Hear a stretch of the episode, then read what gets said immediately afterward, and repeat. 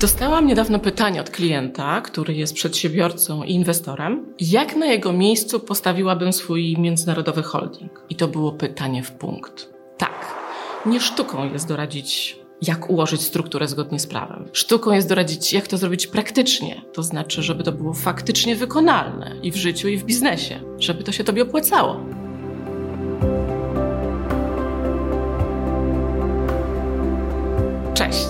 Może i ty zastanawiasz się, jak i gdzie założyć twój holding. Nie wiesz, czy on ma być w Polsce, czy za granicą. Coraz częściej myślimy o rozwiązaniach międzynarodowych, dlatego że jesteśmy bardziej otwarci na świat. A jak to zrobić, żeby to było bezpieczne? Bo ty nadal głównie inwestujesz w Polsce. Jeśli takie pytania chodzą tobie po głowie, to jesteś we właściwym miejscu. Pomogłam ponad 250 inwestorom postawić zagraniczne fundusze lub międzynarodowe struktury holdingowe. Na moim kanale Wealth Advisor Anna Maria Panasiuk dowiesz się, jak przygotować się do takiego procesu, w jaki sposób sprawdzić, czy posiadany przez Ciebie holding już jest bezpieczny. Zasubskrybuj mój kanał i bądź na bieżąco. Co w takim razie jest ważne, gdy budujesz międzynarodową strukturę inwestycyjną?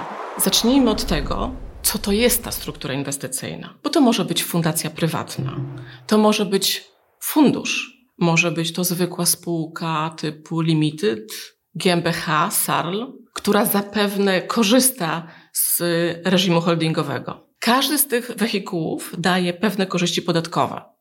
Podobnie zresztą jak Polska Fundacja czy ASI albo Polska Spółka Holdingowa. Być może ze względów biznesowych lub bezpieczeństwa ty chcesz wybrać taką strukturę za granicą. Czego powinieneś wówczas dopilnować? Ważne jest na przykład, aby twoja spółka za granicą, w kraju, gdzie posiada ona formalnie siedzibę, prowadziła tam rzeczywistą działalność. Dlaczego? Na pewno nie jest dla ciebie zaskoczeniem, że organy skarbowe bardzo nie lubią struktur, które są pozorne. Na przykład, gdy twoja zagraniczna spółka ma polski zarząd, albo ma zarząd zagraniczny, ale decyzje zapadają w Polsce. Teraz dodatkowo zmieniają się przepisy, zarówno w Polsce, jak i w Unii Europejskiej, które dokładnie wskazują, jakie sytuacje są niedopuszczalne z punktu widzenia regulacji podatkowych, czyli są penalizowane dodatkowymi podatkami. To jest wówczas, gdy za granicą nie ma substancji, albo ona jest, ale ty nie jesteś w stanie tego udowodnić, bo nie myślałeś, że jest to ważne.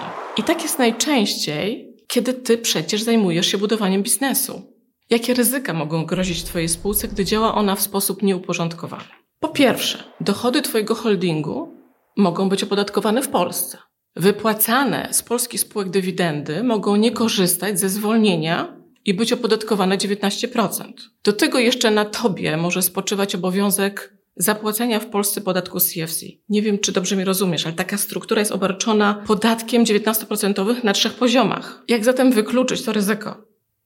Weź długopis, bo podam Tobie teraz kilka praktycznych przykładów, jak zbudować substancję Twojego holdingu. Po pierwsze, należy dobrze zbudować zespół Twojego holdingu. Być może należy poszerzyć jego skład o inne osoby niż lokalni dyrektorzy nominowani.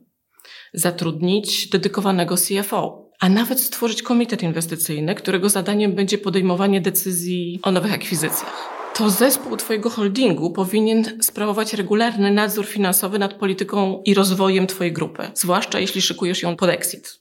Nawet jeśli on ma nastąpić w przyszłości. Spotkania komitetu powinny być protokołowane, a korespondencja powinna wychodzić z dedykowanych adresów e-mail. Przejdźmy teraz, jak powinno wyglądać biuro Twojej spółki. Zapewne wiesz, że powinieneś wynająć lub kupić odpowiednie e, biuro oraz jego warunki techniczne powinny pozwalać na prowadzenie tam Twojej działalności. A więc nie może to być biuro wirtualne ani adres Twojego księgowego.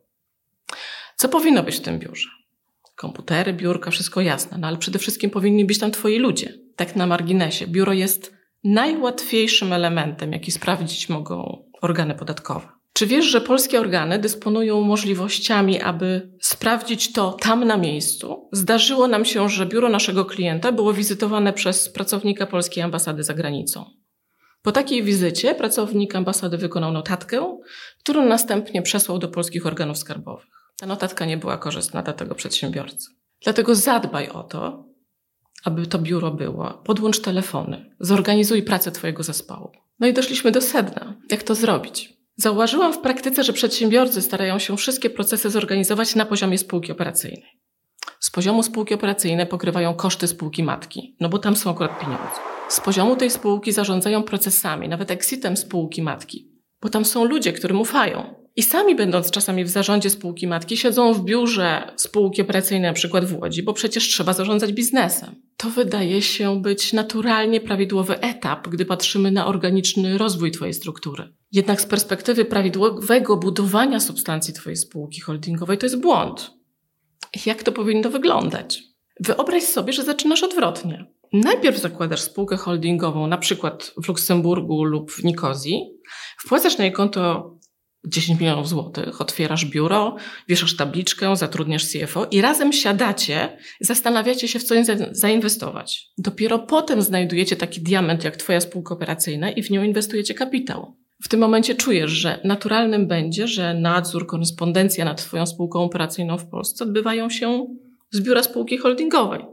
Prawda? To jak to zrobić? Jeśli w Twoim przypadku wydarzyło się odwrotnie. Podam przykład, jak to wyglądało u dwóch moich klientów. Jeden z nich postawił holding w kraju, w którym jednocześnie mieszkał. Spółka była postawiona przez lokalną kancelarię. Równolegle klient zaczął budować swój biznes. Wiedział, że nie wszystko robi jak należy, ale dał sobie czas, aby zbudować międzynarodowy holding ze spółkami w kilku krajach. Po roku, gdy cała struktura rozrosła się do tych rozmiarów, że opłacało się, jego zdaniem, podjąć starania, aby wszystko chodziło prawidłowo, zajął się budowaniem substancji. I właśnie wtedy zwrócił się do mnie, aby to wszystko poukładać. Okazało się tak naprawdę, że wiele tam się dzieje i taką substancję można stosunkowo niedużymi nakładami pracy zbudować. Trzeba było wszystko uporządkować, bo wcześniej nikt nie dbał o formalności, a całą substancję udało nam się uporządkować podczas trzech wizyt w siedzibie spółki. Przeprowadziłam dwa godzinne szkolenia dla personelu i ustaliliśmy kilka procedur. Jego spółka holdingowa działa dziś z ludźmi na pokładzie. Inny mój klient z kolei postawił strukturę w kraju, w którym nie mieszka i nie jest tym krajem związany. To jest trochę trudniejsze. Wymaga to od niego osobistych wizyt w siedzibie spółki. Większym jednak wyzwaniem była tutaj organizacja struktury, bo wyobraź sobie, że jesteś wspólnikiem, jedynym członkiem zarządu spółki holdingowej oraz członkiem zarządu spółki operacyjnej. Jak w takim wypadku masz budować substancję spółki holdingowej, jeżeli jednocześnie działasz w terenie i pilnujesz biznesu? I technicznie jak to zrobić? Bo przecież jak piszesz maila do swojego dyrektora finansowego, to nie piszesz tylko po to, żeby przedstawił tobie wyniki za ostatni miesiąc, ale dyskutujesz z nim również o strategii budowy spółki pod exit. A to przecież powinien robić zarząd spółki matki. Nie wiem, czy rozumiesz o co chodzi. Mamy dwa w jednym. Jeśli ty pełnisz wszystkie funkcje, to siłą rzeczy będziesz je wykonywał tam, gdzie aktualnie musisz być. Czy to w biurze w Łodzi, czy na wakacjach na Malediwach. Zawsze działasz i jako prezes spółki operacyjnej, i jako członek zarządu holdingu, czyli rozmawiasz sam ze sobą. Mieszasz te funkcje praktycznie w każdym mailu, jaki wychodzi do Twojego zespołu. No, w ten sposób nie zbudujesz substancji Twojej spółki w Holandii czy w Luksemburgu. Jak my pomogliśmy temu przedsiębiorcy? Zorganizowaliśmy mu zespół w taki sposób, aby ludzie na poszczególnych poziomach struktury mogli ze sobą rozmawiać, komunikować się. Czyli na przykład nowy CFO, który ma wspierać całą grupę w drodze do exitu, działa z poziomu spółki holdingowej i to on pisze do dyrektora finansowego w Łodzi, jakie wyniki potrzebuje na koniec roku. Albo prowadzi rozmowy z prawnikami odnośnie planowanej transakcji exitu. Tydzień temu rozmawiałam z inwestorem, który postanowił postawić swój holding w Luksemburgu. Jest on na etapie budowania komitetu inwestycyjnego dla tego holdingu.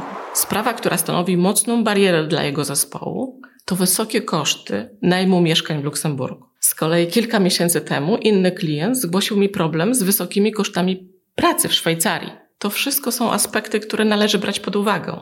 Jak widzisz, jest jeden główny element, który występuje praktycznie w każdym przypadku. U każdego klienta, który stawia strukturę międzynarodową, podstawą budowania substancji każdej spółki są zawsze ludzie. Pamiętaj. To tyle na temat praktycznych inspiracji, jak bezpiecznie zbudować Twój holding. Zapraszam na kolejny odcinek już niebawem.